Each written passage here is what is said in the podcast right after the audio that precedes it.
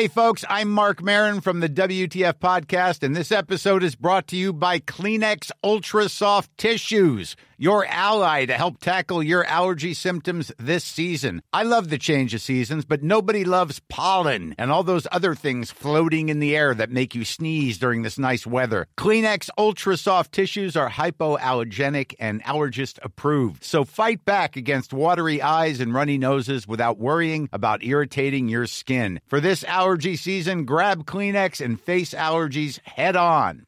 There's never been a faster or easier way to start your weight loss journey than with PlushCare. PlushCare accepts most insurance plans and gives you online access to board-certified physicians who can prescribe FDA-approved weight loss medications like Wigovi and Zepbound for those who qualify. Take charge of your health and speak with a board-certified physician about a weight loss plan that's right for you. Get started today at plushcare.com slash weight loss. That's plushcare.com slash weight loss. plushcare.com slash weight loss.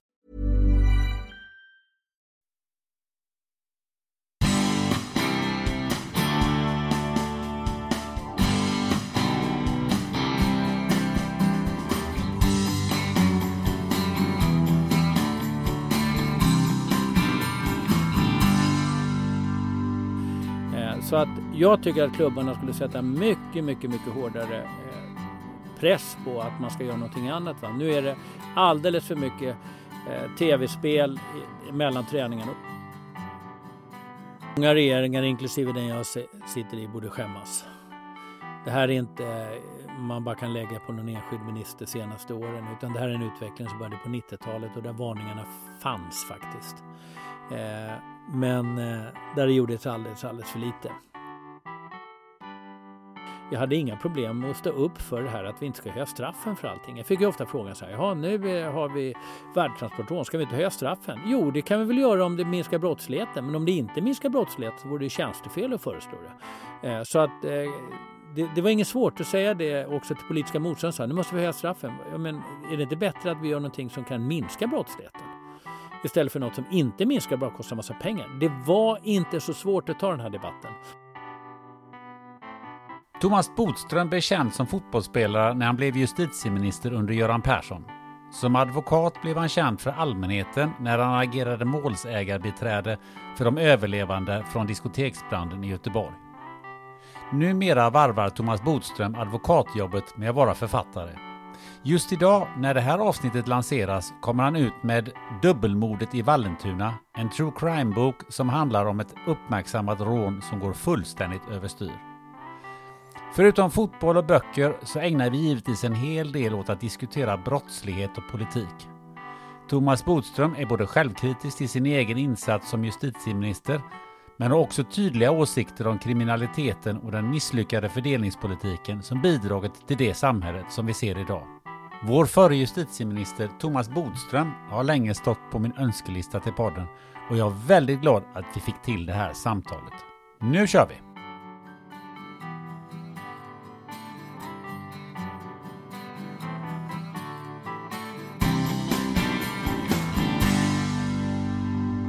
Thomas Bodström, välkommen till podden Spännande möten. Tack så mycket. Ehm, du, hur är det att vara AIK-are då? Det är tungt. eh, och eh, det kändes redan innan säsongen att det här kommer inte bli bra. Alltså kände du den innan? Ja, jag tänkte att det här, man har tappat för mycket etablerade spelare och man förlitar sig på unga spelare som ännu inte har fått erfarenhet. Så att jag eh, fick tyvärr rätt på det sättet. Eh, jag hade gärna hoppats att jag hade haft fel. Nu eh, så är det ju så att det blir mer spännande än om man skulle ligga i mittenskiktet och bara liksom fladdra runt där. Och det mest spännande som finns i fotboll, det är negativa kval. Så att man får möta tredje laget från superettan. Det är så fruktansvärt nervöst. Och jag har spelat sådana själv också fast på lägre nivå. Och eh, det, det är det mest nervösa som finns. Mm, jag kan tänka mig det. Och spännande. Ja. Alltså, alltså, Blåvitt och AIK har ju mötts så att säga, genom att göra upp upp kuppen och, Ja, ja, och, och sådär. Men tänk om de skulle göra upp om vem som ska åka. Jag vet, det kan bli så. Jag tror att AIK möter Göteborg i näst sista och det var väl ingen som trodde att det skulle bli en nedflyttningsmatch. Liksom, Men jag tror faktiskt att både AIK och Blåvitt klarar det här till slut. Mm. Jag tror att det blir andra lag som, som hamnar efter. Du lurar inte på lite, något eget inhopp där? Nej, men ibland när man har sett matcherna tänker man att vem som helst hade kunnat hoppa in här och inte gjort det sämre.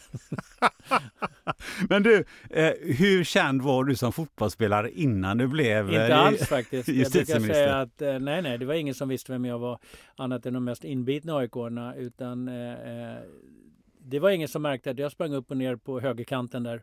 Jag brukar säga inte ens mina lagkamrater verkar märka mig när jag hojtar efter passningar. Så att, eh, det var, nej, nej, jag var helt okänd. Jag fick mitt genombrott 11 år efter jag hade spelat min sista allsvenska match. Alltså genombrott som fotbollsspelare. Ja, just det, precis. Ja. Eh, Men eh, vad, vad tror du att du hade kunnat bli? Hade du kunnat bli proffs tror du? Nej, det tror jag inte. Eh, visserligen så hade jag flera avbrott under min uppväxt. Men det var också ett sätt som gjorde att jag faktiskt fortsatte spela fotboll. Hade jag haft eh, en, en annan syn på fotboll när jag tyckte att fotboll var allt här i livet, då kanske jag hade blivit bättre. För jag kom ju till Allsvenskan först när jag var 25. Det var lite sent och jag var ganska trött på det när jag var 27 efter tre säsonger. Så jag hade inte det där riktigt eh, starka intresset att bara, bara ägna sig åt fotboll. Men jag tror faktiskt inte heller att min talang räckte till. Jag märkte ju när jag spelade i Allsvenskan, jag hade kommit upp långsamt division för division och klarat det och liksom etablerat mig eh, sakta. Men sen när jag kom upp till Allsvenskan, då mötte jag ju landslagsspelare, Thomas Brolin, Martin Dahlin, Glenn Hysén, det Larsson, ja hela IFK Göteborgs backlinje var i landslag. Och då känner man att nej, det här är en nivå till som jag faktiskt inte har eh, och kommer inte heller klara. Så att det, det kändes väldigt bra att komma till Allsvenskan och känna att nej, det här var, det här var grej. Idag hade man kanske kunnat bli proffs, och idag är flera hundra proffs. Och det är inte alls lika märkvärdigt. Men på den tiden när jag spelade, då var det kanske tio stycken som var utlandsproffs. Men var du nöjd att, eh, att du la av? Ja, eh, efteråt kan jag tycka att jag borde ha fortsatt ändå. Men eh, det var så att jag fick jobb på advokatbyrå just då. Då gick det ju inte här att förena och jag hade spelat tre år och var faktiskt, även om det var fantastiskt kul, ganska trött på att inte ha några helger lediga, ingen sommar och så vidare. Fast man var ung och ville göra massa saker. Och jag hade ändå tre sådana år där vi tränade jämt, åtta gånger i veckan.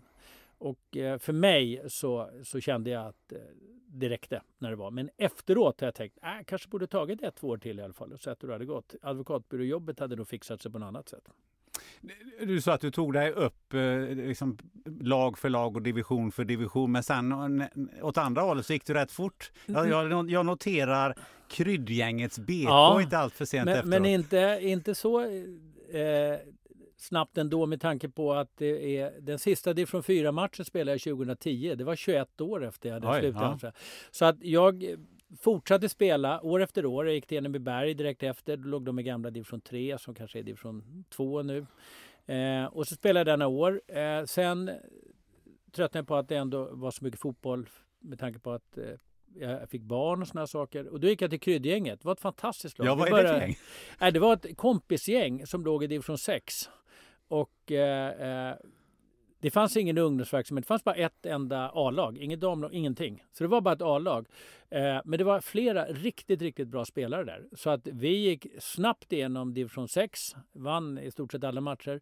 Kom upp i division 5. Vann i stort sett alla matcher. Och jag var fortfarande ganska ung då. Så att, eh, och då spelade jag kedjan och, som det heter. Det är ingen som vet vad kedjan är idag. Märker när jag pratar med yngre. Anfallare. Forward. Eh, men eh, eh, så vann vi femman hur rätt som helst. Och så spelade vi fyran en säsong och sen lades laget ner. Och då gjorde jag faktiskt samma sak igen. Då gick jag till Mälarhöjden. Och eh, där var vi också division 6 och vann den. Och division 5, division 4. Så jag tror jag hade fyra seriesegrar i rad där. Eh, och det var, eller fyra på fem år i alla fall. Och eh, det var otroligt kul. Och sen fortsatte jag faktiskt i eh, andra lag. Och låg där mellan femman och fyran. Jag spelade på FF. Jag spelade i, ute i, i eh, Djursholm med gamla aik -are. Det var enormt roligt. Eh, aik och Brommapojkspelare och sånt där. För att där eh, tyckte ju alla om vi skulle möta massa 20-25-åringar. Vad är det här för gubbar som är över 40 år som knappt kan springa på uppvärmningen? Och i början så hade de alltid bollen i liksom eh, 5-10 minuter. Men så såg de att så lätt var det inte att göra mål på oss. Och så vann vi ganska ofta matcherna med 1-0 på någon sån här frispark eller hörna eller någonting. Så att det var helt kul. Och där var det faktiskt också så att vi vann division 5, höll på att vinna division 4. Och då blev all, alla väldigt rädda för att då hade man inte fått köra det här med fria byten. Vi bytte ju hela tiden för vi blev trötta hela tiden. Ja, just det. Trots att vi inte sprang så mycket. Ja. ja. Nej, så ja. att jag fortsatte och jag spelar fortfarande. Aha. I författarlandslaget. Eh, inte så många matcher, men match på Bokmässan. Eh, jag spelar i Korpen, spelar igår senast, det är därför jag haltar runt lite här, för det gör jag alltid efter matcherna. Och sen spelar jag faktiskt på lördagar eh, med ett kompisgäng. Så att jag spelar fortfarande. Ja, synnerligen aktiv fotbollsspelare. Ja, ja. Härligt. Eh, Jag tänker så här. eh, Det är ju ovanligt med en advokat på en fotbollsplan och särskilt i, i, i allsvenskan. Alltså, vad tänker du? De flesta fotbollsspelarnas utbildningsnivå idag är, är ju inte jättehög om man tittar på det. Är- är det. Har du några tankar kring det? Ja, det har jag många tankar kring. Jag tycker att klubbarna skulle ta ett mycket, mycket, mycket större ansvar. Eh, lite har Zlatans framgångssaga förstört. Jag var nere när jag var politiker, så var jag nere och pratade på fotbollsgymnasium och sånt där bland ungdomarna och alla skulle ju bli som Zlatan. Eh, och jag försökte säga att det kommer nästan ingen av er bli, kanske ingen. Eh, och eh, även om ni är jätteduktiga och spelar i Malmö FF och pojklandslag och sånt där så är det väldigt, väldigt få som ens kommer upp i Allsvenskan.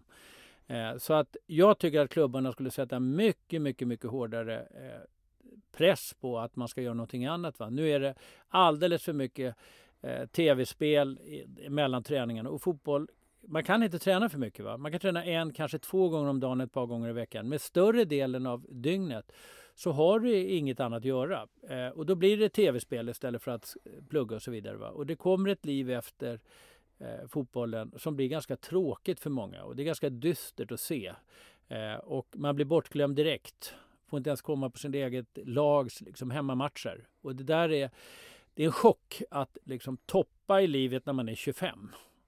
Eh, så att klubbarna har ett mycket, mycket stort ansvar att se till att man eh, planerar för ett liv efter fotbollen. Och det behöver inte, det behöver inte vara just att man pluggar på högskolestudier, men, men se till att planera sin framtid. Mm, nej, för eh, jag hade ju Bengt Baron för ett tag sedan Ja, i, i podden och han, han sa ju också det. Och även om du faktiskt kommer att tjäna de här 25, 30, 40 miljonerna ja. eller vad det nu är för någonting på din fotbollskarriär. Så vad ska du göra när du har slutat?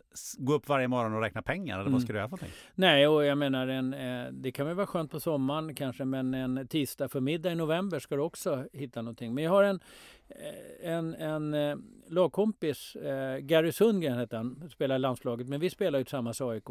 Och han, det var ju också så att man tror att bara för man är bra i fotboll så ska man vara en bra tränare eller bra på att sälja och så vidare. Det är inte alls kanske det som man är, har begåvningen. Gary var ju en duktig fotbollsspelare. Så att eh, han höll på med lite olika saker och vi spelade AIKs eh, veteranlag och träffades och snackade. Och, eh, jag gillar ju Gary jättemycket. Men sen en dag sa han så här, äh, nu har jag börjat på kriminalvården och nu jobbar han som vårdare ute på häktet i Södertörn. Och eh, han trivs jätte, jättebra. Jag är ju där ibland, besöker klienter och har jag ofta träffat på Gary och vi snackar lite. Han har liksom fått ett sammanhang. Han behöver kanske inte pengarna för det, men han har fått ett yrkesliv, eh, bra arbetskamrater, en viktig uppgift för samhället, viktig uppgift för sig själv. Och det, det är det det handlar om. Eh, så det behöver inte vara högskolestudier, det behöver inte vara karriär, men man ska ha ett sammanhang att komma till. Någonting man funderar på också det är ju att eh, du utbildade dig till advokat och var duktig fotbollsspelare. Hur nära var du eh, att eh, gå åt det hållet att bli agent eller någonting åt det? hållet? Jag har fått erbjudanden några gånger men eh, jag har hela tiden tyckt att det är en väldigt märklig och smutsig bransch. Och eh, jag tror att det är väldigt svårt att slå sig fram eh, om man ska följa alla advokaträttsliga regler, vilket jag tycker att man ska följa. Eh, så att eh, jag har stött på en hel del seriösa agenter genom åren som berättar om alla de oseriösa och det, det gjorde att jag tappade helt intresset. Vad är det som är smutsigt i den branschen? Nej, det är ju olika avtal, spelare blir lurade, eh, man förhandlar på båda sidor och så vidare. Eh, man har underförhandlare som man inte visar och massa ytterligare avtal och skenavtal och så vidare. Ibland kan det vara en, en försäljning av en spelare från en allsvensk klubb till en proffsklubb och så är det tre, fyra, fem agenter inblandade. Liksom olika led. Och det är ju helt fel. Det är ju pengar som ska gå till klubben och till spelaren, inte en massa agenter. Har du själv varit med och hanterat den, den typen av rättsfall? Ja, jag, har, jag arbetar ju för Fifa eh, och har varit ordförande nu, vice ordförande i deras domarkommitté, alltså administrativa kommittén, som fungerar som en domstol. Och där har vi stött på väldigt många oseriösa agenter. Mm. Eh, en annan eh, grej som ju du också gillar att göra, förutom att vara advokat, eh, det är ju att vara författare. Ja, det gör jag. Eh, vad, vad, vad ger det dig? Jag tycker att jag brukar säga att det är två saker jag inte kan vara utan här i livet förutom då människor runt omkring mig. Men, och det ena är fotboll eh, och det andra är att skriva.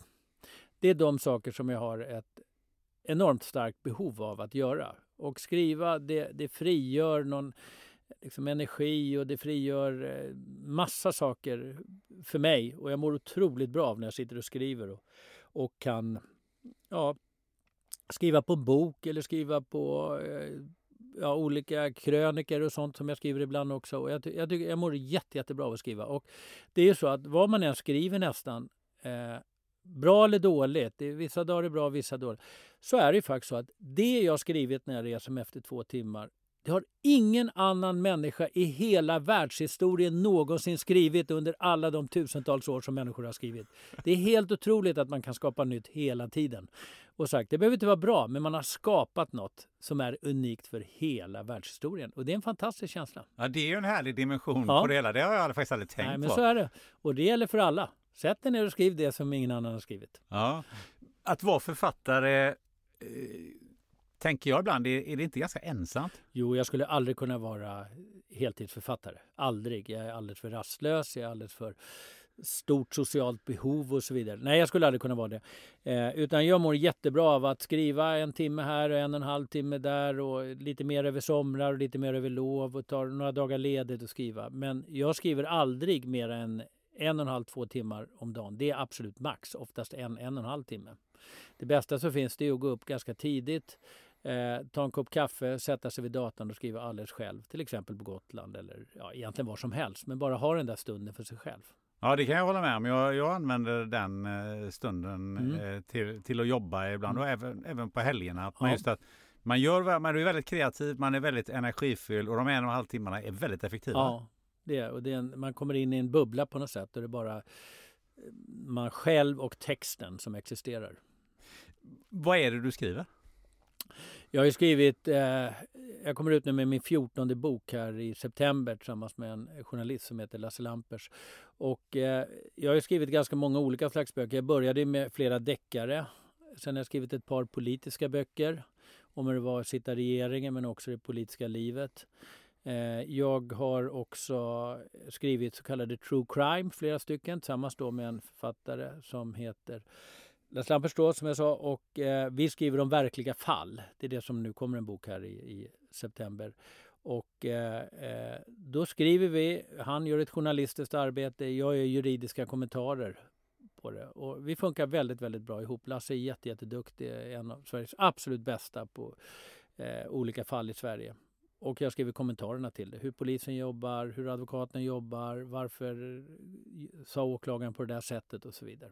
Det här skrivandet, är det någonting som du har med dig sedan barnsben? Eller är det jag, skrev, ja, jag skrev redan som barn.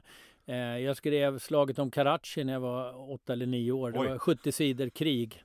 Eh, där de mördade varandra från alla sidor. Det var sjörövare som mördade varandra. Eh, och eh, ibland så gjorde jag en liten paus och ritade en teckning i, min, i, i mitt manus där de också mördade varann och hängde varann. och, och, och, och, så vidare. Så att den var en väldigt krigisk bok. Eh, det är ingen som någonsin har läst den men det var, det var kul att skriva. Jag hade behov redan då. Var det kanske någonting man skulle ge ut nu?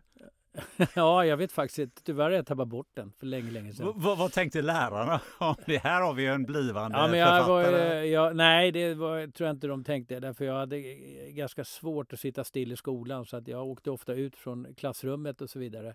Eh, jag visste dessutom att jag skulle åka ut från klassrummet. Så jag hade alltid med mig serietidningar som jag hade i, i jackfickan eller så hade jag en tennisboll så jag stod och tränade jonglering för jag visste att det här är nästan otänkbart att en hel dag ska gå utan att jag åker ut i klassrummet. Så det gjorde jag nästan varje dag faktiskt i mellanstadiet. Så det har vi ju eh, redan där som eh, ja, bollen och, eh, och jag hade, Därför kan jag till exempel inte skriva skrivstil som man lärde sig på den tiden. Därför att det var ju så enormt tråkigt så då åkte jag ut direkt när vi började med skrivstil. Och jag tror jag hade större användning av att eh, lära mig jonglera med tennisbollen än skrivstil. Det tror jag också, det verkar mm. ju så. Eh, men vad, vad, är det som är roligast att skriva? Det här fiktiva deckarskrivandet eller de här autentiska fallen? Jag tycker egentligen fiktiva är det roligaste, men det är också det svåraste. Och jag tycker egentligen jag är bättre på att skriva true crime för då kan jag ta med hela min advokaterfarenhet och juristerfarenhet. Eh, det är mycket, mycket svårare att skriva fiktivt för att man inte har en verklighet att luta sig mot. Sen skapar man en verklighet genom att skriva romaner. Men eh, det är svårare men också roligare faktiskt att skapa personer. eh, som till slut blir levande för en. Men är det inte lite så med, med tanke på det jobbet du har att det måste vara lättare för dig att skriva eh, krimböcker eh, eh, och, och, skapa de här människorna för det, blir ändå, det finns ändå en, en bäring i verkligheten där. Ja, både och faktiskt. Eh, det är klart att jag har väldigt mycket gratis med mig när jag ska beskriva en rättegång är och en polisutredning är. Jag vet precis hur polisförhör går till, häktningsförhandlingar och sånt. Men jag kan också bli lite yrkesskadad. Eh, därför att jag kan ju inte alltid ta ut svängarna ordentligt när det gäller en rättegång som andra författare kan. Och jag kan ju bli väldigt eh, både förvånad och närmast upprörd när väldigt etablerade författare beskriver en rättegång på ett sätt som är helt uppåt väggarna. Stig Larsson till exempel, som var så duktig författare, han beskrev rättegångarna som ett skämt. Men de sålde ju så in i helskotta. Eh, så att jag menar, jag blir yrkesskadad och säger så här, så där kan man inte ha en rättegång. Nej, men det kanske läsarna skiter i. De kanske föredrar istället att man skriver på det sättet och hittar på och ändrar och inte tar med de tråkiga delarna av rättegångarna. Nu försöker jag när jag skriver om rättegång inte ta med de tråkiga delarna utan bara ta det spännande. Korsförhör och pläderingar och sånt. Men jag kanske ändå blir lite förbunden av, av verkligheten där. Å andra sidan som sagt, jag vet, eh, jag, jag kan den världen så att jag behöver inte göra någon research för att ta reda på hur polisarbete går till eller hur en åklagare tänker. Och så vidare. Ja, för jag tänkte det just, eh, hur är det för dig att se en, en eh, deckare på tv till exempel, eller Beck eller någonting sånt ja, där? ta Beck till exempel så är det ju otroligt att det inte knappt finns en åklagare med. Som ändå är den som styr en hel förundersökning. Det är bara någon enstaka gång, jag har inte sett alla Beck-filmer, jag har sett några stycken. De finns ju inte med knappt. Eh, och ändå är det de som styr en hel förundersökning och väcker åtal och så vidare. Det är inte, poliserna gör ju bara vad åklagarna säger. Men i Beck-filmerna så får man liksom inte in åklagaren riktigt. Det blir för många personer. Men det är ett sånt där typexempel. Jag skulle aldrig kunna skriva en bok eller ett manus till en film utan att ha med en åklagare i ett polisarbete. Det går inte. Jag kan inte göra våld på verkligheten på det sättet. Men Beck-filmerna funkar ju bra som helst. Ja, där får man ju den uppfattningen också att eh, poliser agerar alltid ensamma helst. Möjligtvis ja. två. Ja. Och sådär. Just det. Eh, sen är det också så att polisarbete är ju sällan så där spännande som det är deckare. Utan polisarbete handlar om att man metodiskt går tillväga. Man sitter och finkammar efter små hårstrån och DNA. Man knackar dörr på 400 dörrar där det har varit ett mod. Och så gör man det så kallade inre arbetet, inre spaning. Och då går man igenom de misstänkta personers alla kontaktnät de senaste fem åren. Det är inte så sexigt och det är svårt att göra en bok om det. Men det är så polisarbete går till. Det är metodiskt och eh, man ringar in den som är misstänkt och ska avfärda alla andra misstänkta. Nej, men det var det som Jonas Trolle sa också till mig som jag skrivit den här ja. boken om. Eh, Avslöja kapten Klänning. Han sa så att ja, men jag kan inte ta med alla de här människorna. Så nej, det här är ju lagarbete men det är ju ingen ja, som... Nej, du kan ju bortkolla det här på nolltid. Ja, ja, ja, Nej, det går inte. Så att det, det där är sagt, det finns både för och nackdelar att ha den kunskapen. Senaste boken som ju kommer ut nu, om, ja. en, om vi sitter här i slutet på augusti så kommer den bara på september va? Japp. Vad heter den? Den heter Vallentunamorden och eh, den eh, handlar just om ett verkligt fruktansvärt eh, dubbelmord på ett äldre par i eh, Vallentuna. Eh, och det är två personer som då blir misstänkta för det här och det hela polisarbetet. Och det är kriminella personer som man nästan har glömt bort idag men som var mycket vanligare förr. Nämligen två svenska lite så här halvskurkar som har småmyglat sig fram, ägnat sig åt lite narkotikahantering, knarkat lite själv och så vidare. Eh, men som ändå har klarat sig ganska hyggligt socialt på olika sätt. Men som eh, ska göra då ett utpressningsförsök och så går det fullständigt överstyr. Och det där utvecklar sig till så småningom, det kan jag säga utan att avslöja för mycket, eh, ett så kallat Lindomefall. De börjar skylla på varandra helt och hållet. Och Lindomefallet är ju känt för att det var två personer som egentligen skyllde på varandra.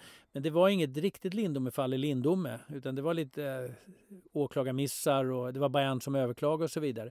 Det här är ett helt klassiskt. De lägger hela skulden på varandra. Det är två personer som säger det var den andra som gjorde det, jag stod utanför. Och det är väldigt svårt att avgöra för det där. Eh, men till slut, och det blir väldigt olika utgångar, nu ska jag inte berätta alla delar om det i tingsrätt och hovrätt och så vidare. Men eh, det trodde man inte och det är en mardröm för polis och åklagare eh, när man har så lite teknisk bevisning som kan binda den ena eller den andra personen. Och ingen av dem kan man lita på. Det är liksom två personer som är helt Eh, i brist av trovärdighet och ändå är det det som man måste försöka bygga sina teorier på. Så att eh, eh, det blev ett väldigt, väldigt spännande fall. Det är ett fruktansvärt tragiskt fall naturligtvis.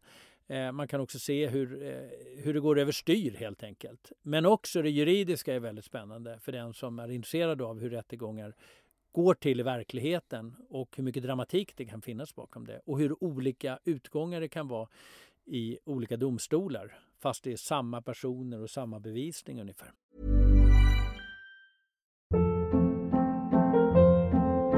Hold up. What was that? Boring. No flavor. That was as bad as those leftovers you ate all week. Kiki Palmer here, and it's time to say hello to something fresh and guilt-free. Hello Fresh. Jazz up dinner with pecan-crusted chicken or garlic butter shrimp scampi. Now that's music to my mouth. Hello Fresh. Let's get this dinner party started. Discover all the delicious possibilities at hellofresh.com.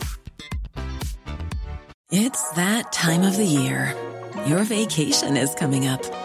You can already hear the beach waves, feel the warm breeze, relax, and think about work. You really, really want it all to work out while you're away. Monday.com gives you and the team that peace of mind. When all work is on one platform and everyone's in sync, things just flow wherever you are. Tap the banner to go to Monday.com.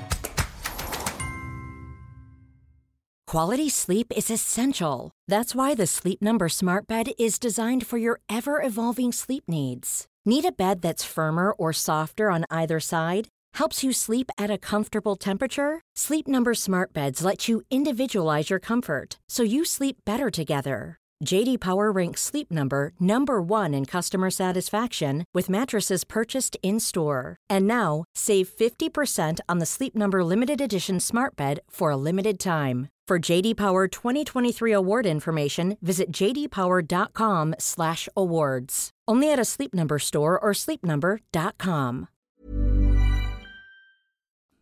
Ja, vi ska ju inte avslöja jättemycket, men det finns ändå det saker som, som ju eh, står också i beskrivningen av eh, boken. Någonting jag funderar på är Alltså de här är ju som du säger i princip ostraffade. Ja. De, de hade haft lite narkotikaaffärer och lite sånt där. Mm. Men, men alltså hur, hur kan man hålla sig så kallsinnig eh, i, i eh, när man har gjort ett, två sådana brutala mord och inte är vad man ska säga yrkeskriminell eller vad, vad man ska kalla det för.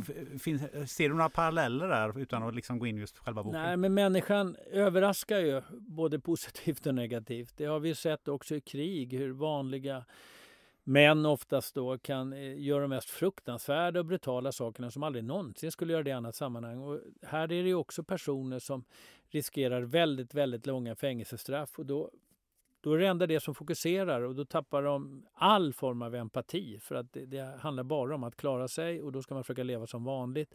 Och det liksom räcker inte till att också tänka på de här offren och vilken skada man har gjort och till anhöriga och så vidare. Att man kan stänga av det så pass när man inte så att säga, är tränad i att, ja. att göra det. Men det är det som brukar kallas också posttraumatiskt syndrom tester. Alltså att det kan komma långt, långt efteråt. Det är det man ser på människor som har varit just i krig och så vidare. Eh, och det kan komma efteråt även här. När de faktiskt eh, långsamt sen börjar smälta in. Vad, vad har de gjort egentligen? Ja, för du säger att det här går ju um, överstyr och så är de ju ganska klantiga också på, på lite olika sätt. Så de blir ganska snabbt avslöjade. Eh, om du jämför, om, om det skulle varit en yrkeskriminell. Ja som skulle gjort något liknande. Vad, vad, hur, hur, gå, hur, skulle, hur skulle man gå, de gå tillväga? Om ska alltså de, eh, de missbedömde ju fullständigt hur man hanterar pengar till att börja med. De trodde att det, det är någonting som man snabbt kan eh, fixa om man bara så att säga får ett hot emot sig. Men så är det ju inte. Pengar är numera nedgrävda i fonder och i aktiekapital och kanske i andra länder och så vidare. Så att de pengarna går inte bara att swisha över som de här totalt missbedömda. Men sen gör de ju helt huvudlösa misstag och använder egna konton och så vidare. Och eh, hur man skulle tro att inte polisen skulle få spår på dem, det är ju helt obegripligt. Men människor är faktiskt ofta klantigare än man tror, också kriminella, även om det finns också väldigt smarta. Men en, en eh, yrkeskriminell eller livsstilskriminell som det heter. Man vill inte säga yrkeskriminell för att det inte ska... Det är inte ett yrke. Eh, den hade överhuvudtaget aldrig gjort så här. Eh, den kanske hade satt igång med ett utpressnings... Eh, eh, alltså en, en, en, ren utpressning, rena hot helt enkelt. Där man skulle ha hotat kanske anhöriga och så vidare. Och skickat fram eh, bulvaner så att de verkliga personerna aldrig skulle finnas och så vidare. Och så, och så utverka ett ordentligt, en, en ordentlig utpressning. Det är det jag tror att man skulle göra. Eh, du har ju redan varit inne på det, men det beskrivs ju också att eh, eh, relationen mellan de här personerna spelar eh, roll. När det är två som begår ett brott, oavsett om det här är något annat, vad, vad, vad spelar de här relationerna för roll? Det där är jätteintressant, för det är väldigt, väldigt vanligt. Både i verkligheten och i, i litteraturen och på filmer så ser vi ofta att det är två personer som gör det. Och nästan alltid så är det en som är ledare över den andra och har ett psykologiskt övertag och är den som bestämmer.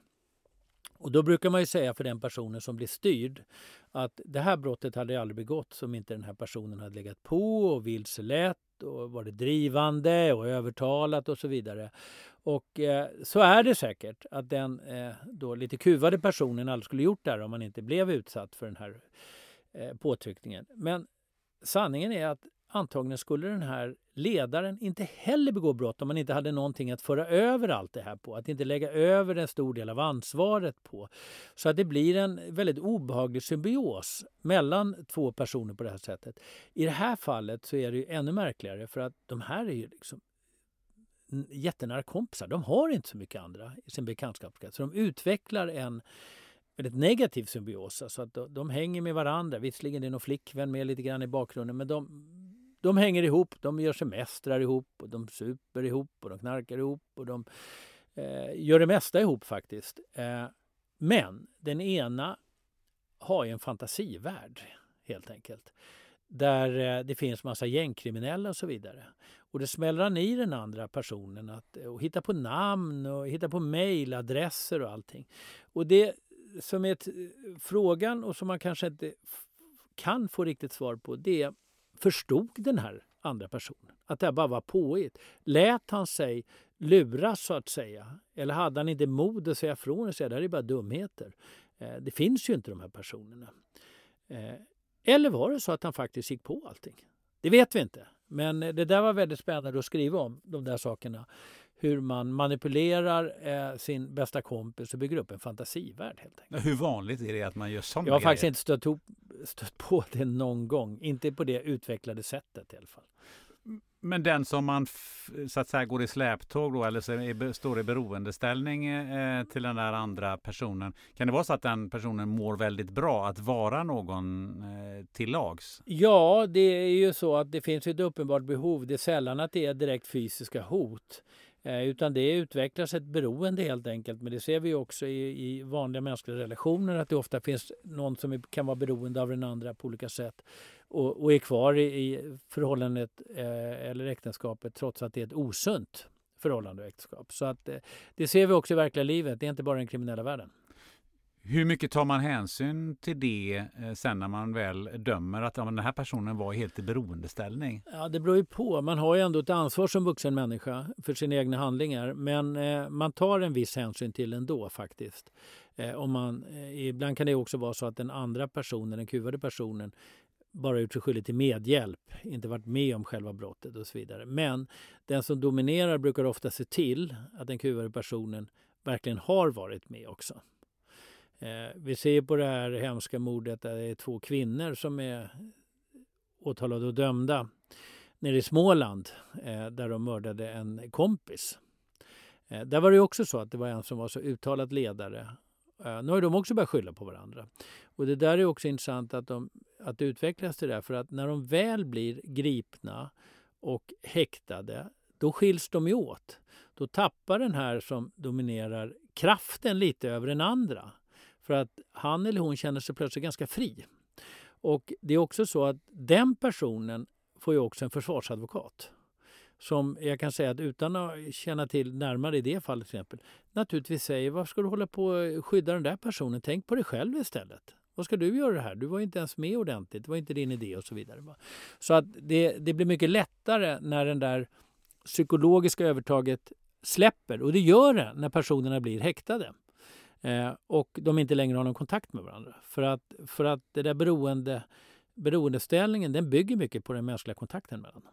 Ja, för där är de ju också ganska hårdhudade om man har följt det där fallet igen. Ja. De, det var ju inte, det var inte så att de erkände direkt eh, dag två. Nej, verkligen inte. De har ju fortfarande inte erkänt här. Eh, nu vet vi inte hur det blir i hovrätten utan eh, den ena medger att hon har gjort saker men inte att det någonsin varit avsikt att döda och så vidare. Den andra säger att hon inte varit med alls. Va? Men nu skyller de ju på varandra i alla fall. Den här typen av, eh, det som hände i Vallentuna då, den här typen av personrån, hur vanliga är de i, idag? De är ju ganska vanliga ändå eh, för förmögna personer. Vi vet att det har varit ganska många rån uppe i Östermalm till exempel. Eh, människor är oförsiktiga att visa guld-Rolex på Instagram och såna här saker och då finns det en business för det där. Det upptäcks, det säljs vidare till andra och ger tips om att här finns det personer man kan råna. Också eh, någonting som är vanligt är att man rånar personer som själva på något sätt kanske har gjort sig skyldiga till olagligheter. Inte bara i etablerade knarkaffärer utan det kan vara personer som till exempel har sålt en restaurang och så vet man att där finns det några hundratusen som är svart och då är det kanske större chans att de pengarna finns hemma. Eh, så att eh, där, det, det finns absolut en hel del och en del av de där brotten klarar sig aldrig upp. Därför att man vågar inte anmäla. Och man kanske inte heller vågar anmäla av det skälet att man själv vet att de där pengarna kom inte, har inte kommit lagligt sett. Och då är det ju väldigt svårt att anmäla dem för polisen. Vilken risk eh, löper eh, jag som är vanlig eh, medelinkomsttagare, villaägare och sover med fönstret öppet? Nej, jag tror att det är väldigt liten risk att du eh, råkar ut för att de kommer på besök på det sättet. Däremot kan du få ett inbrott om du eh, är oförsiktig över sommarsemestern och sånt där. Det, det är betydligt större risk. Men jag var nere i Spanien här för en tid sedan och eh, där träffade jag eh, svenskar som berättade att de hade utsatts för sån här gas. Att inbrottstjuvarna sprutade in gas i sovrummet så hela familjen eh, alltså blev somnade in medan tjuvarna i lugn och ro kunde gå igenom hela huset ett par timmar. Och det är en jävla läskig obehaglig utveckling och det gäller för många rika människor i, i, i Spanien, alltså svenskar och andra från andra länder naturligtvis. Vi har inte sett det riktigt så vanligt i Sverige men den typen av, av eh, Eh, alltså inbrott, rån blir det ju frågan om. Eh, de har man i alla fall skyddat sig mot genom att sova i en så kallad safe room och sådana här saker. Eh, Så att man har ett skydd även inne i huset. I Djursholm till exempel så finns det många sådana. För att eh, de inte ska utsättas för i alla fall fysiska hot eller våld. Någonting jag funderar på, ehm, hur organiserade är, de, organiserade är de här? För de i Vallentuna var ju inte direkt organiserade. De Det var två polare som eh, Ja, kom på det var inte idé. organiserat och den lilla, lilla organisationen de hade den var ju en katastrof. Eh, men genom de framsteg som polisen har gjort genom att kunna avlyssna kriminella så har man fått en helt annan bild av den kriminella världen. En helt, helt annan insyn och det har vi advokater också fått. Eh, och det har ju visat sig eh, skrämmande nog att den är oerhört mycket mer välorganiserad. Tidigare pratade man lite om eh, man skojade nästan lite om och sa att den är oorganiserade eh, gängbrottsligheten. Så är det inte, det är väldigt organiserat. Men det som har hänt är att man har lyckats genom eh, avlyssna, eller man kom över de här chattarna som kallas för encro, så har man kommit över och kunnat för en gångs skull också sätta dit eh, huvudskurkarna, alltså de som är på toppen. Och det gör att det har blivit kaos i gängen. Och det är därför det är så mycket mord just nu. Därför att det är bråk internt om maktpositioner. Det är bråk mellan gängen. Egentligen så är det ju här någonting som skadar alla. Även de, alltså de här människorna vill inte heller dö. Och det skadar deras affärer och så vidare att ha den här gängkriminaliteten. Men mycket av det är faktiskt att ledarna och eh, sitter häktade eller dömda på långa fängelsestraff och har inte möjlighet längre att styra de organisationerna. Och då är det massa unga personer som sticker upp och ska ta för sig och så blir det konkurrens, rivalitet, fiendeskap och så eh, händer det här med alla skjutningar. Mm, Om du säger det att, eh, att det har blivit ett vakuum, ett maktvakuum efter det att eh, många av de här gängledarna har, har åkt in. Vad, vad kommer att hända? Vill man ha det här maktvakuumet eller vad, vad, vad, kommer att hända? Nej, de gängkriminella vill egentligen inte ha den här situationen. Eh, gängkriminella vill, som andra människor, inte dö. Visserligen lever de helt galna liv där de lever för 24 timmar framåt i tiden. Det är därför det här med hög, höjda straff är så meningslöst. De tänker inte de banorna. Men de är rädda. Jag har aldrig träffat så rädda människor som gängkriminella. De är livrädda helt enkelt när de går ut genom porten. Eh, det måste ju vara ett helvete för dem att gå ute på stan eller den stad de bor i. Därför att de måste ju se människor överallt som potentiella eh, mördare från fiendesidan. Eh, och det här gör ju att eh, de lever på ett sätt som eh, skapar en enorm eh, panik hos dem, rädsla, depression. De knarkar ju de allra flesta av dem därför att de orkar inte med det här livet. Eh, men eh, vi kommer att få se en minskning av skjutningarna men till att börja med kommer det inte vara politikerna som har gjort det och framförallt inte med höjda straff utan det kommer vara de själva som ser till genom fredsuppgörelser eh, där man delar upp marknaden på olika tunnelbanestationer och så vidare för knarkförsäljning som gör att skjutningarna kommer minska. Ja, för jag, vad jag har hört så är det ju också så att eh, eh, den typen av kriminella, så fort de blir häktade eller åker in i, i, i häktet så, så sover de fantastiskt bra. Det är många jag träffat eh, på häktet som tycker att det är ganska skönt att inte behöva se som över axeln hela tiden. De får mat tre, tre gånger om dagen, de får träna lite grann, de får ligga och titta på tv i lugn och ro. De får helt enkelt lugna ner sig. Sen är ju livet på häktet ska man inte säga annat än att det är ett eh, skitliv naturligtvis, att vara inlåst större delen av dygnet. Men för vissa kan det vara att man andas ut. Man behöver inte vara rädd för att, för att dö helt enkelt.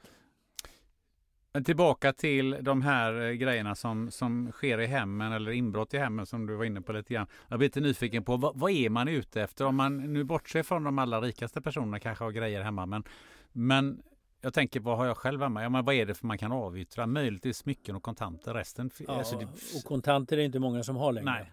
Eh, det är just de människorna som ja, kanske har något att dölja ja. som har det. Va? Utan det är väl mer smycken, konst kanske i viss mån. Men eh, den här brottsligheten ökar ju inte. Nej, det, alltså vanliga måste... inbrott sånt ökar inte. Egentligen ökar nästan ingen brottslighet utom gängkriminaliteten. Det är som är så märklig utveckling i Sverige. Den värsta brottsligheten, morden i gängkriminell miljö och så vidare, de ökar och annan brottslighet står still eller går bakåt. Men det är ju inte direkt den bilden som man får Nej. om man läser Men eh, man media. Har alltid, man har alltid sagt att brottsligheten går upp och eh, det går längre ner i åldrarna. Nu stämmer ju det när det gäller gängkriminaliteten men det där har man sagt i 20, 25, 30 år. Och det är omöjligt att brottsligheten går ner i åldrarna i 30 år. Då har vi organiserad brottslighet på dagisnivå så småningom. Så det går inte. Men det stämmer nu. Nu värvar man 14-15-åringar för, för att begå mord. Du, eh, du är ju advokat, hur mycket inspiration hämtar du från ditt riktiga, eh, ditt, ditt riktiga, på så här, ditt, ditt jobb, eh, som ditt dagliga jobb? Alltså när jag eh, skriver? Ja. Jättemycket. Allt är ju stöld, så att säga, från verkligheten. Men, eh, så när jag skriver deckare då. Men jag gör ju om allting. En man kan bli en kvinna, en gammal kan bli ung. För att jag är ju väldigt noga med att ingen ska kunna spåra eller hitta identiteter när det handlar om mina egna fall. Sen kan det vara andras fall som jag känner till och kan. Där har jag inte någon tystnadsplikt. Du sa vad det är som driver dig som, som eh, författare och det här med att man faktiskt gjort det som, som ingen annan har gjort och skrivit det som ingen annan har skrivit. Men vad, vad driver dig och, i ditt advokatjobb? Det är ju så att eh, redan när jag var i tonåren så bestämde jag mig för att försöka bli advokat. Och då var det lite det där, de ensammas kamp mot överheten så att säga. Eh, därför polis och åklagare har ju så enormt mycket mer resurser än en enskild advokat. Men eh, tron på att eh, hjälpa en person och den personens rättigheter. Det handlar ju aldrig om att eh, det är okej okay att begå brott, eh, som en del verkar tro att advokater ägnar sig åt. Utan det handlar om en persons rättigheter. Och det kan ju vara väldigt inspirerande att, att vara den person som man företräder och hjälper en person som alla andra hatar. Folk brukar säga så här, hur kan du företräda den? Det är just de situationerna när alla hatar en person som det verkligen behövs en advokat. En person som är likeable, som alla gillar och så vidare. Den behöver knappt en advokat för alla är ju redan på den sidan. Utan det är just de här värsta typerna. Det är då det blir inspirerande att vara advokat för det, alla hatar den personen. Men hur hanterar du relationen till de värsta typerna? Man eh, ska vara sig själv som i alla relationer. Det går inte att göra sig till. Men man ska komma ihåg att det är personer som har begått väldigt fruktansvärda brott. Så att man ska inte gå ut och ha, eh, man ska inte umgås med dem privat eller någonting. Oavsett om de är skyldiga eller inte så är det viktigt att behålla den professionella distansen. Det innebär inte att man måste vara formell och travande utan man, man, kan vara precis som vanligt. Men man går inte ut och äter middag. Man skulle aldrig drömma om att dricka alkohol tillsammans med den personen. Utan luncher går bra, en fika går bra. Men eh, man ska komma ihåg eh, att det här är en väldigt speciell relation. Det är också en väldigt speciell relation för den person som är misstänkt för ett brott eller som är utsatt för ett brott. Därför att den här advokaten, man är beroende av den. Eh, och för många är det ju att ja, så länge advokaten gör sitt jobb eller så man är nöjd med den. Men när man inte är det, då, och det ska man ju tänka på som advokat, då är man inte vatten värd. Liksom. Utan då är den här personen beredd att offra en som advokat direkt. Kryper inte det här grejerna under skinnet på dig ibland? Ja, det var ännu mer så i början. Eh, då hade jag svårt att sova när det var någonting som hade gått emot mig. Nu försöker jag ha lite mer helikopterperspektiv. Men jag är fortfarande arg när jag, saker går emot på ett sätt som jag tycker är orättvist. Det är inte så att jag tycker att alla domar som, eh, där mina klienter blir dömda är fel. Eh, jag, kan, jag har ju full förståelse för att man dömer. Men jag kan fortfarande bli väldigt upprörd över olika domar. Och jag tänker att så länge jag blir det, då kan jag fortsätta som advokat. Finns det brott eller eh, brottslingar där du säger att det här tar inte jag, förutom om det skulle vara jäv eller någonting ja, annat sånt? Nej, det finns inte och jag tror att det är en farlig inställning att ha det så. Därför att om man börjar ha den principen, då, finns det, då är man inne lite på det här att försvara och inte försvara olika brott som begås och olika brottslingar. Dessutom är det så att det är en farlig utveckling om det är så hemska brott så att ingen advokat vill ta den då hotar ju det hela principen för rättssamhället. Så att nej, jag har inga sådana principer. Eh, det innebär inte att jag tar alla mål. En del eh, känner jag inte för och så vidare. Och känner man att man inte kan göra ett ordentligt jobb, då ska man tacka nej. Så det är klart att jag tackar nej ibland. Men det är inte för något speciellt brott. Men vad är orsaken till att du skulle tacka nej? Det kan ju vara att man har för mycket att göra. Eh, att man känner att nej, det, liksom, det finns ingen bra personkemi här. Vi pratar Eh, och eh, överhuvudtaget så ska man följa sin magkänsla både som advokat och i livet i övrigt. Känns det inte bra då ska man inte fortsätta. För det, då är det en varningssignal från det undermedvetna att här är något som inte stämmer. Och när jag ändå har kört över min egen magkänsla så har det alltid blivit dåligt. Så att jag kommer fram till att jag borde ha lyssnat på mig själv. Vad, vad händer om eh, en klient eh, råljuger och du vet att ah, han ljuger så klockan står till? Är, är, du, är, du, är du lojal mot hans story? Ja, men det är så att så länge den personen eh, håller sig till den eh, berättelsen så kan inte jag veta säkert om det är sant eller inte. Men det som inte får hända är att den här personen säger till mig, ja jag ska ljuga i domstolen men jag ska berätta för dig att det var egentligen jag som gjorde det här inbrottet. Va? Då får man problem med advokatetiken. Men eh, jag Vad gör man då? Ja, då ska man egentligen avträda. Jag har faktiskt aldrig hamnat i den situationen som tur var. För jag har stoppat folk som börjar prata på det sättet. Säger, tänk dig för nu, jag kan inte vara din advokat om du fortsätter att berätta på det här sättet. Så att det har inte hänt mig. Men, men då ska man egentligen då frånträda uppdraget. Men de flesta advokater hinner stoppa klienten innan de börjar berätta om det. Sen är det ju så att när man företräder personer som har varit med om det här många gånger, både polisförhäktningar, dömts och suttit i fängelse. De kan ju prata nästan som en advokatkollega med en utan att varken erkänna eller förneka det här utan bara prata på om bevisning och så vidare. Du menar att de har blivit ganska duktiga? Det var... De har blivit väldigt duktiga en del. En del är väldigt duktiga, absolut. De har lärt sig det här. De, de ska... vet vad som gäller för att bli frikänd och dömd och så vidare. De vet de, hur de ska lägga upp strategin. Kan jag säga till dem att de skulle utbilda sig till något Det skojar man om ibland. Ta klivet över till den, rätt, till den ja, ljusa sidan. Det finns ju personer som har läst in juristutbildning och sånt där i fängelset. Men det är inte så många. Behöver man vara en bra skådespelare när man väl kommer in i, i rättssalen? Inte skådespelare, men du ska ju komma ihåg att du har en roll. Du är advokaten och det kan ju vara så att en advokat förstärker lite att man blir förvånad över ett visst svar, man blir lite upprörd över ett visst svar. Men man ska ändå agera professionellt. Men man spelar på så sätt, alltså man, man är en advokat, man agerar som en advokat. Och då blir det ju en slags skådespel. Det är ju ingen slump att så mycket så Shakespeare och gamla grekerna hade rättegångar och advokater med i sina draman. Därför att det är ju drama en rättegång. Och det är spännande och det kan ändras och det kan liksom gå från ena till andra sidan. Går du igång på det? Liksom, det här, ja, fortfarande tycker jag att eh, rättegången kan vara väldigt stimulerande och väldigt spännande. För det kan hända så mycket. Det kan tvärvända mitt i, mitt i rättegången på att ett vittne bara säger något. Men hur trött är du när, du, när, när liksom den här rättegången är, är över?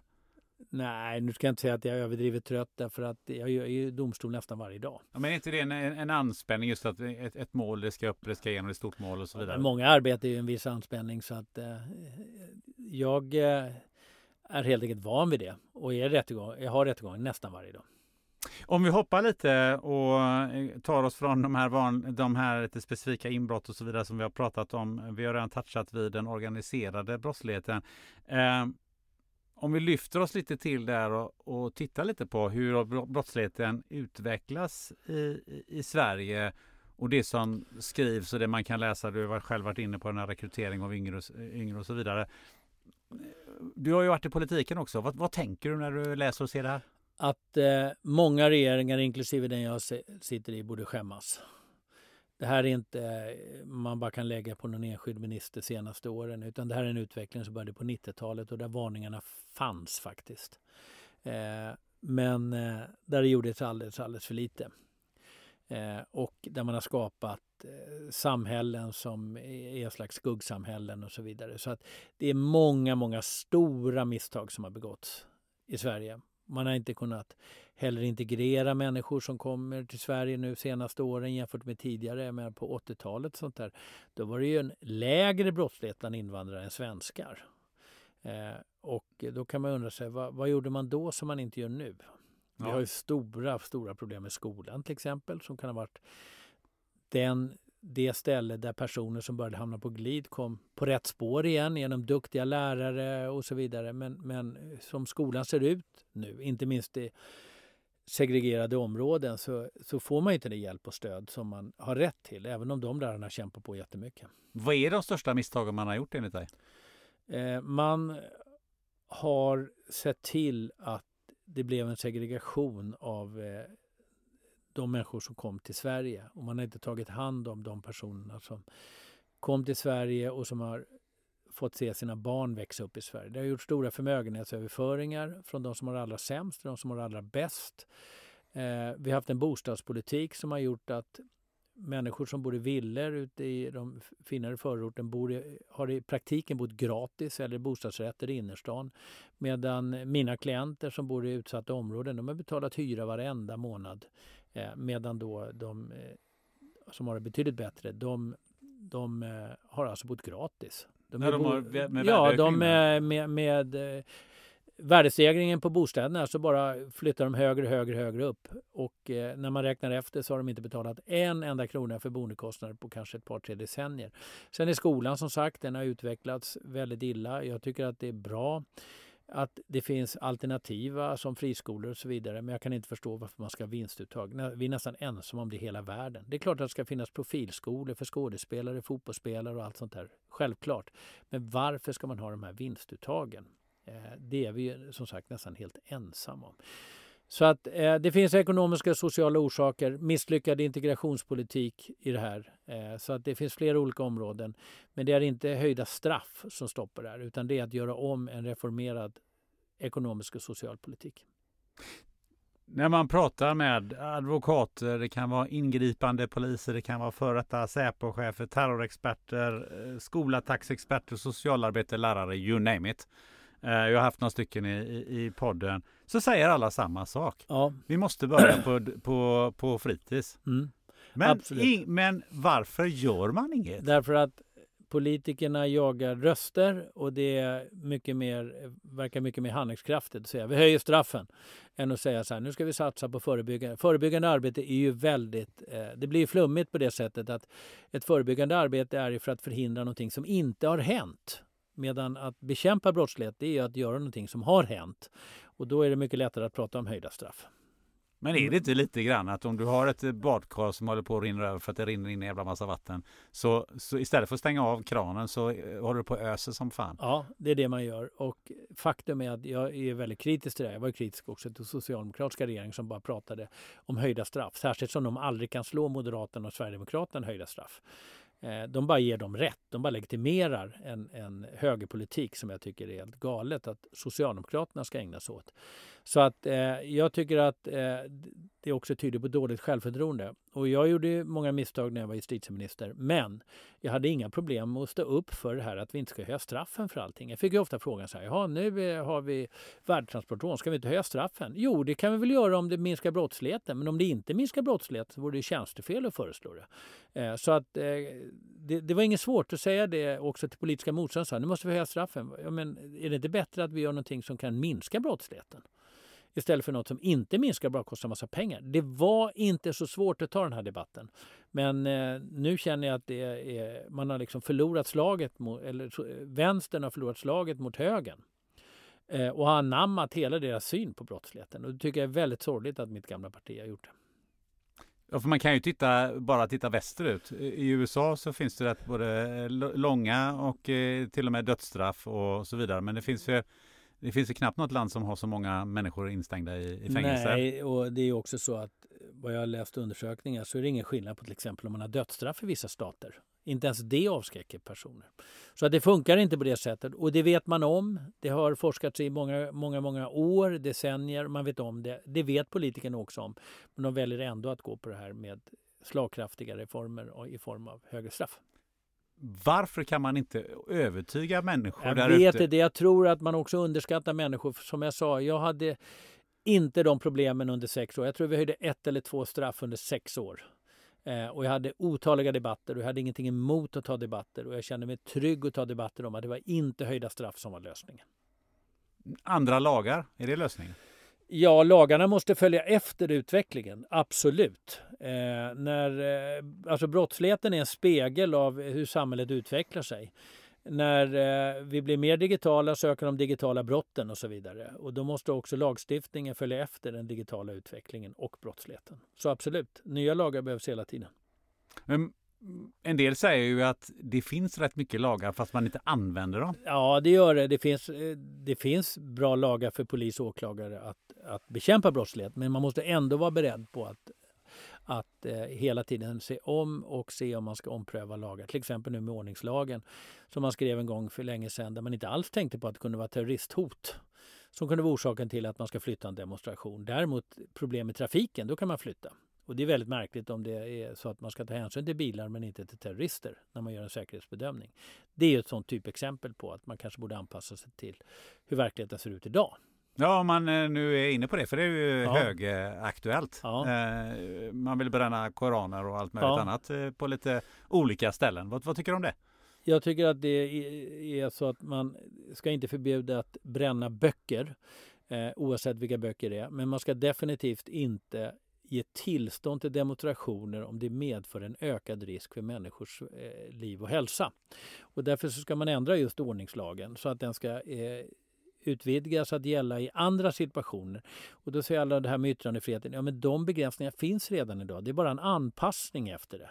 Och eh, en del verkar tro att yttrandefriheten är eh, oantastlig och helig. Vi gör massa ingrepp i yttrandefriheten hela tiden. Man får inte förtala folk, man får inte förelämpa folk, man får inte göra sig skyldig till hets mot folkgrupp, man får inte ordna demonstrationer om det är trafikproblem och andra saker eller störningar på plats. Eh, om man är en aik så bör man inte få tillstånd att bränna en Djurgårdsflagga utanför Tele2 Arena tio minuter före avspark. Däremot kan aik åka, åka någonstans i Solna och bränna sin Djurgårdsflagga om de vill. Alltså det är inte svårare än så. Eh, och det skulle man lätt kunna göra om man ville från ordningslagen. Nu säger regeringen eh, att man ska titta på det och utreda, det går i snigelfart. Å andra sidan är ju alla andra partier emot, även Socialdemokraterna. Eh, och det tycker jag är fullständigt idiotiskt av dem att vara. Men är det inte lite så att den som hotar med någonting vinner då? Ja, men då kan du säga så här. Ja, men eh, Parker i olika länder, de är ju stängda oftast. Man kan inte gå genom Hyde Park i London och så vidare för man riskerar att åka ut för brott. Det är ju inte att ge efter för brottslingar. Om min dotter ska gå hem eh, och hon är i ett, ett, land så säger jag till henne, ja men gå inte, nu skulle hon inte göra det, men det kanske var yngre. Gå inte ensam på natten genom parken. Det är inte att ge efter för eh, våldtäktsmän. Utan det handlar ju om ett vanligt, normalt, tryggt säkerhetstänkande. Och det är samma sak med terrorism. Det är klart att vi ska bekämpa det.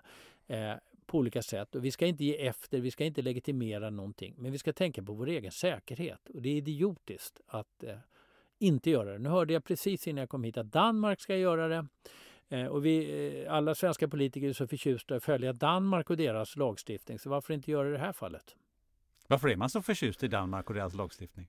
Därför att det finns en bild av att de har klarat gängkriminaliteten på ett delat sätt. Vissa saker har de gjort det också. De har rivit sina getton som det kallas där och som man kanske bör kalla det i Sverige också på vissa håll.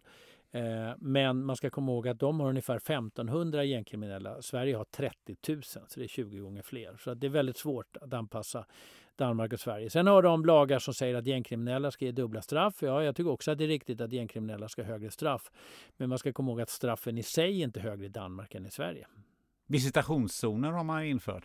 De har man infört. Det är jag ganska tveksam till och det är också för att svenska polisen eh, är tveksamma till det. Eh, det här att man kan göra visitationer och att man kan göra, eh, gå igenom bilar och så vidare. Det gör ju polisen hela tiden. Det har de inga problem med att få göra. Så det kan de göra redan idag. En annan grej som man ju har ropat på det är ju att, att polisen ska få både befogenheter och utrustning i form av vattenkanoner och det har varit alla möjliga sådana grejer. Vad, vad, vad tänker det du kring det? finns vattenkanoner och det där höll jag ju på med mycket. Det finns inga hinder för det. det polisen kan göra det redan idag. Eh, det handlar om polisen själva ska använda och utveckla de vapen som de själva behöver. Eh, så att det finns inget som hindrar att de skulle kunna ha vattenkanoner. Vi har haft vattenkanoner och det finns också möjligheter till att utveckla det och så vidare. Så att det är bara fritt fram för polisen, men låt polisen avgöra det. Det ska inte politiker i riksdagen sitta och säga vad polisen ska ha för vapen och metoder för att bekämpa till exempel eh, upplopp och så vidare. Utan låt polisen göra det. Lägger politikerna... Och det är inte lagstiftningen som stoppar. Eh, lägger politikerna sig i allmänhet i för mycket i vad, vad polisen gör? Ja, det kan gör? vara till exempel, ni måste använda tårgas säger de till poliserna. Ja, men det kan vara ett problem om det är tumult utanför en fotbollsmatch till exempel. Därför att poliserna kanske också får, och det är också andra oskyldiga som får tårgas i ögonen. Och det är ju inte meningen. Eh, ett annat sätt att stävja det här, det är ju det är också någon eh, på senare tid, jag vet inte exakt vem det var inom SD för, som för några dagar sedan sa att folk i allmänhet borde få bära vapen. Det är den strategi man har i USA. Man säger så här, eh, fler ska, fler ska beväpnas. Men det har inte minskat skjutningarna i USA direkt. Utan det är tvärtom. Vapen föder våld och om folk tar till vapen då är det de som ska angripa och ta till ännu starkare vapen och så vidare. Och så går våldsspiralen uppåt. Ja, för där beväpnar man ju bland annat lärare. Ja, precis. Och det minskar ju inte skolskjutningarna. Nej. Du har pratat om det med, med, eh, med klyftorna och inkomstklyftornas eh, betydelse och andra grejer som misstag man har gjort. Eh, om vi vänder på det lite grann. Om du skulle kliva in här och säga att nu ska vi göra de här grejerna. Mm. Vad, vad, vad, hade du gjort? Jag hade för, till att börja med förstatligat skolan. Men att det ska finnas friskolor utan att man tar ut vinst. Jag hade sänkt skatten ordentligt för låginkomsttagare. Eh, det hade gjort att de hade fått en bättre ekonomisk situation. De hade inte behövt leva på bidrag, man har minskat bidragsberoendet. Och de pengar som de hade tjänat extra hade gått tillbaka till staten i form av till exempel moms och så vidare. Det här är personer som inte sparar pengarna. Tjänar du 25 000 så kanske du får ut 16-17 000 men om du, de ska egentligen inte betala skatt de här. Men säg att de får ut 21-22. Det är fortfarande inte de här som köper några stora flotta hus ute i, på ja, var som helst. Och det är inte de som heller sparar i olika fonder för att de här pengarna gör man av med. De konsumerar man och då kommer det tillbaka i skatt i andra och tredje och fjärde hand ändå.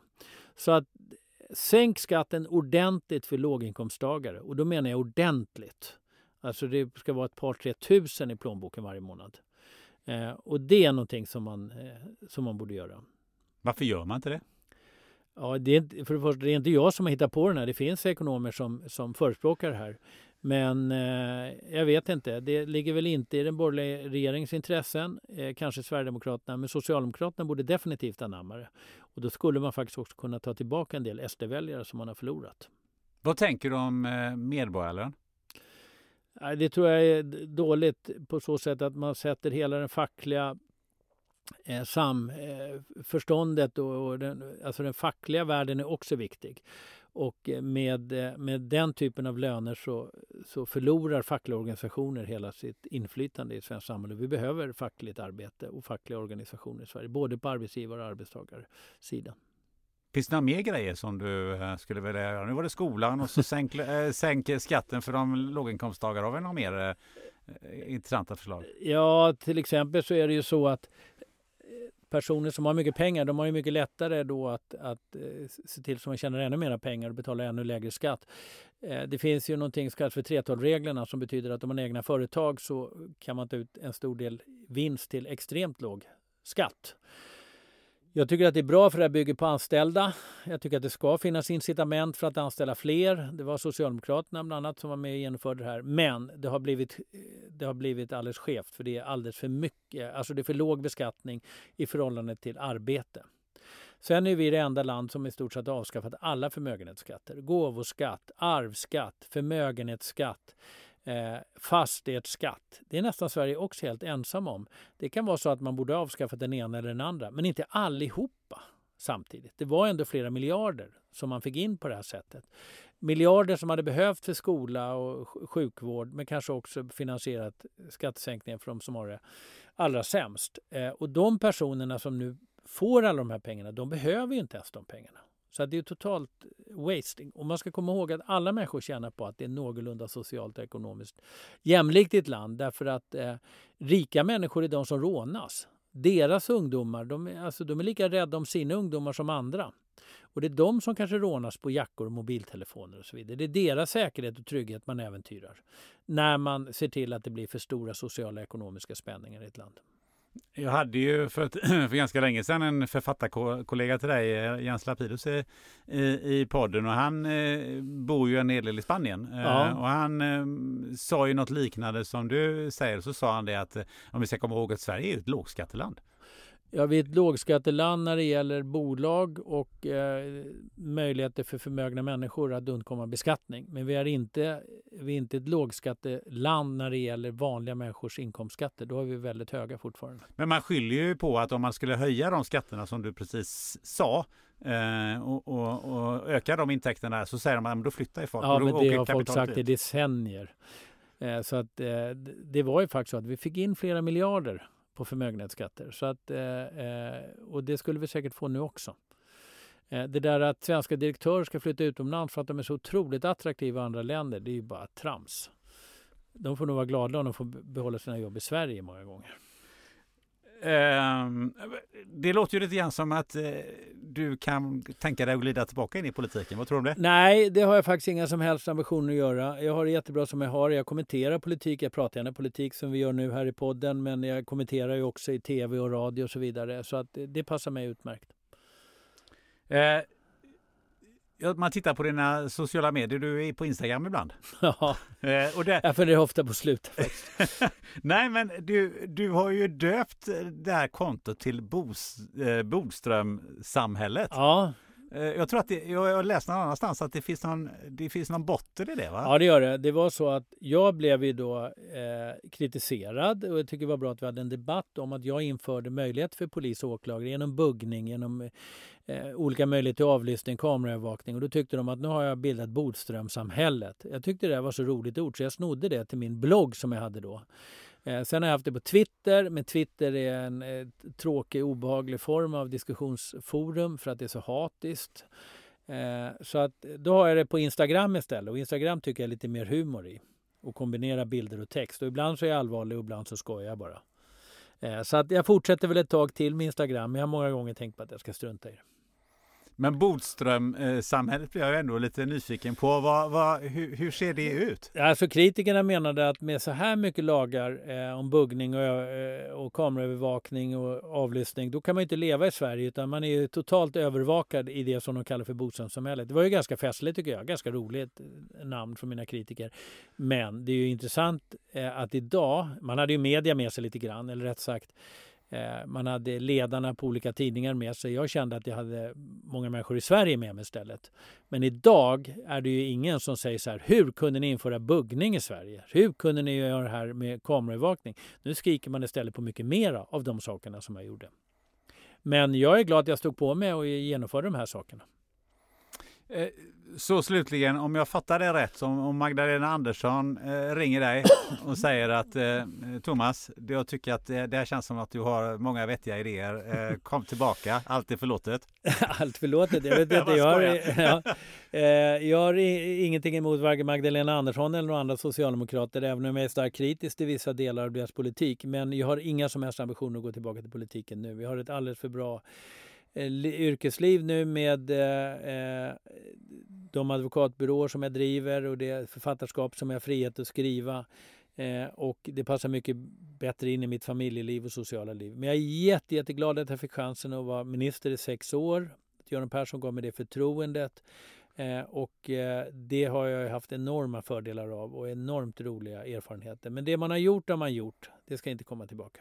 Det ska inte komma tillbaka. Eh, vi ska avrunda det här samtalet med lite med det vi har sagt och sådär. Vem tycker du jag borde sätta i den stolen du sitter nu? Vem skulle du vilja lyssna på? vem jag skulle vilja lyssna på är väl ändå att du då som eh, ger skarpa frågor eh, skulle ju vara intressant om du hade Putin här.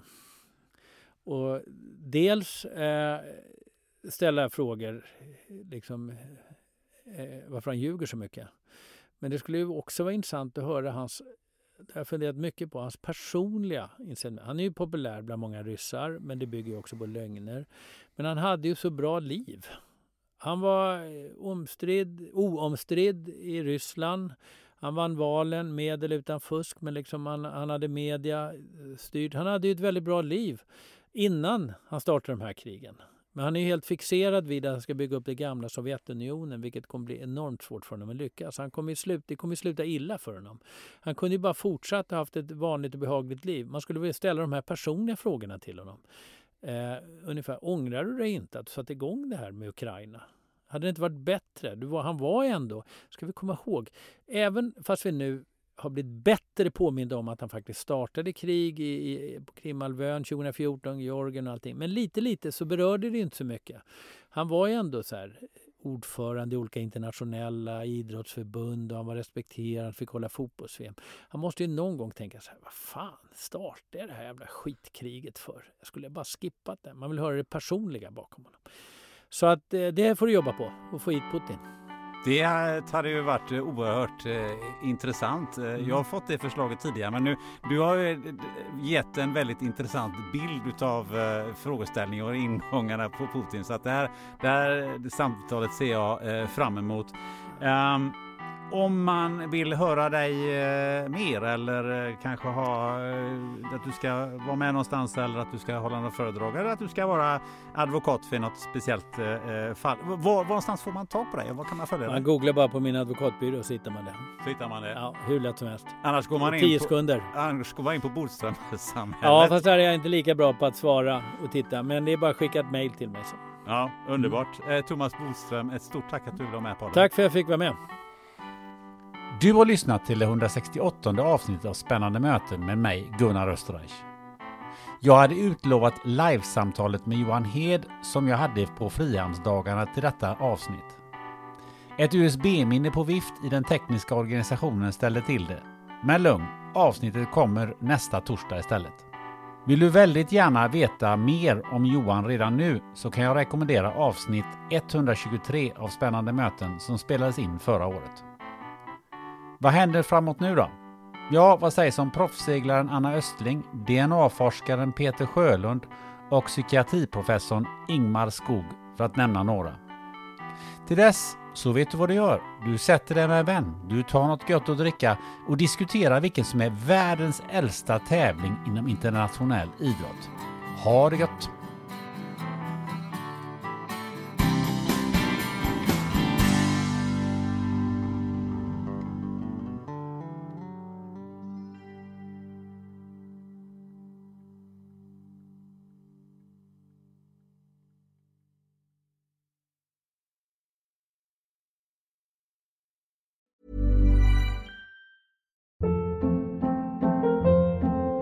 Hold up. What was that? Boring. No flavor. That was as bad as those leftovers you ate all week. Kiki Palmer here, and it's time to say hello to something fresh and guilt-free. Hello Fresh. Jazz up dinner with pecan-crusted chicken or garlic butter shrimp scampi. Now that's music to my mouth. Hello Fresh. Let's get this dinner party started. Discover all the delicious possibilities at hellofresh.com.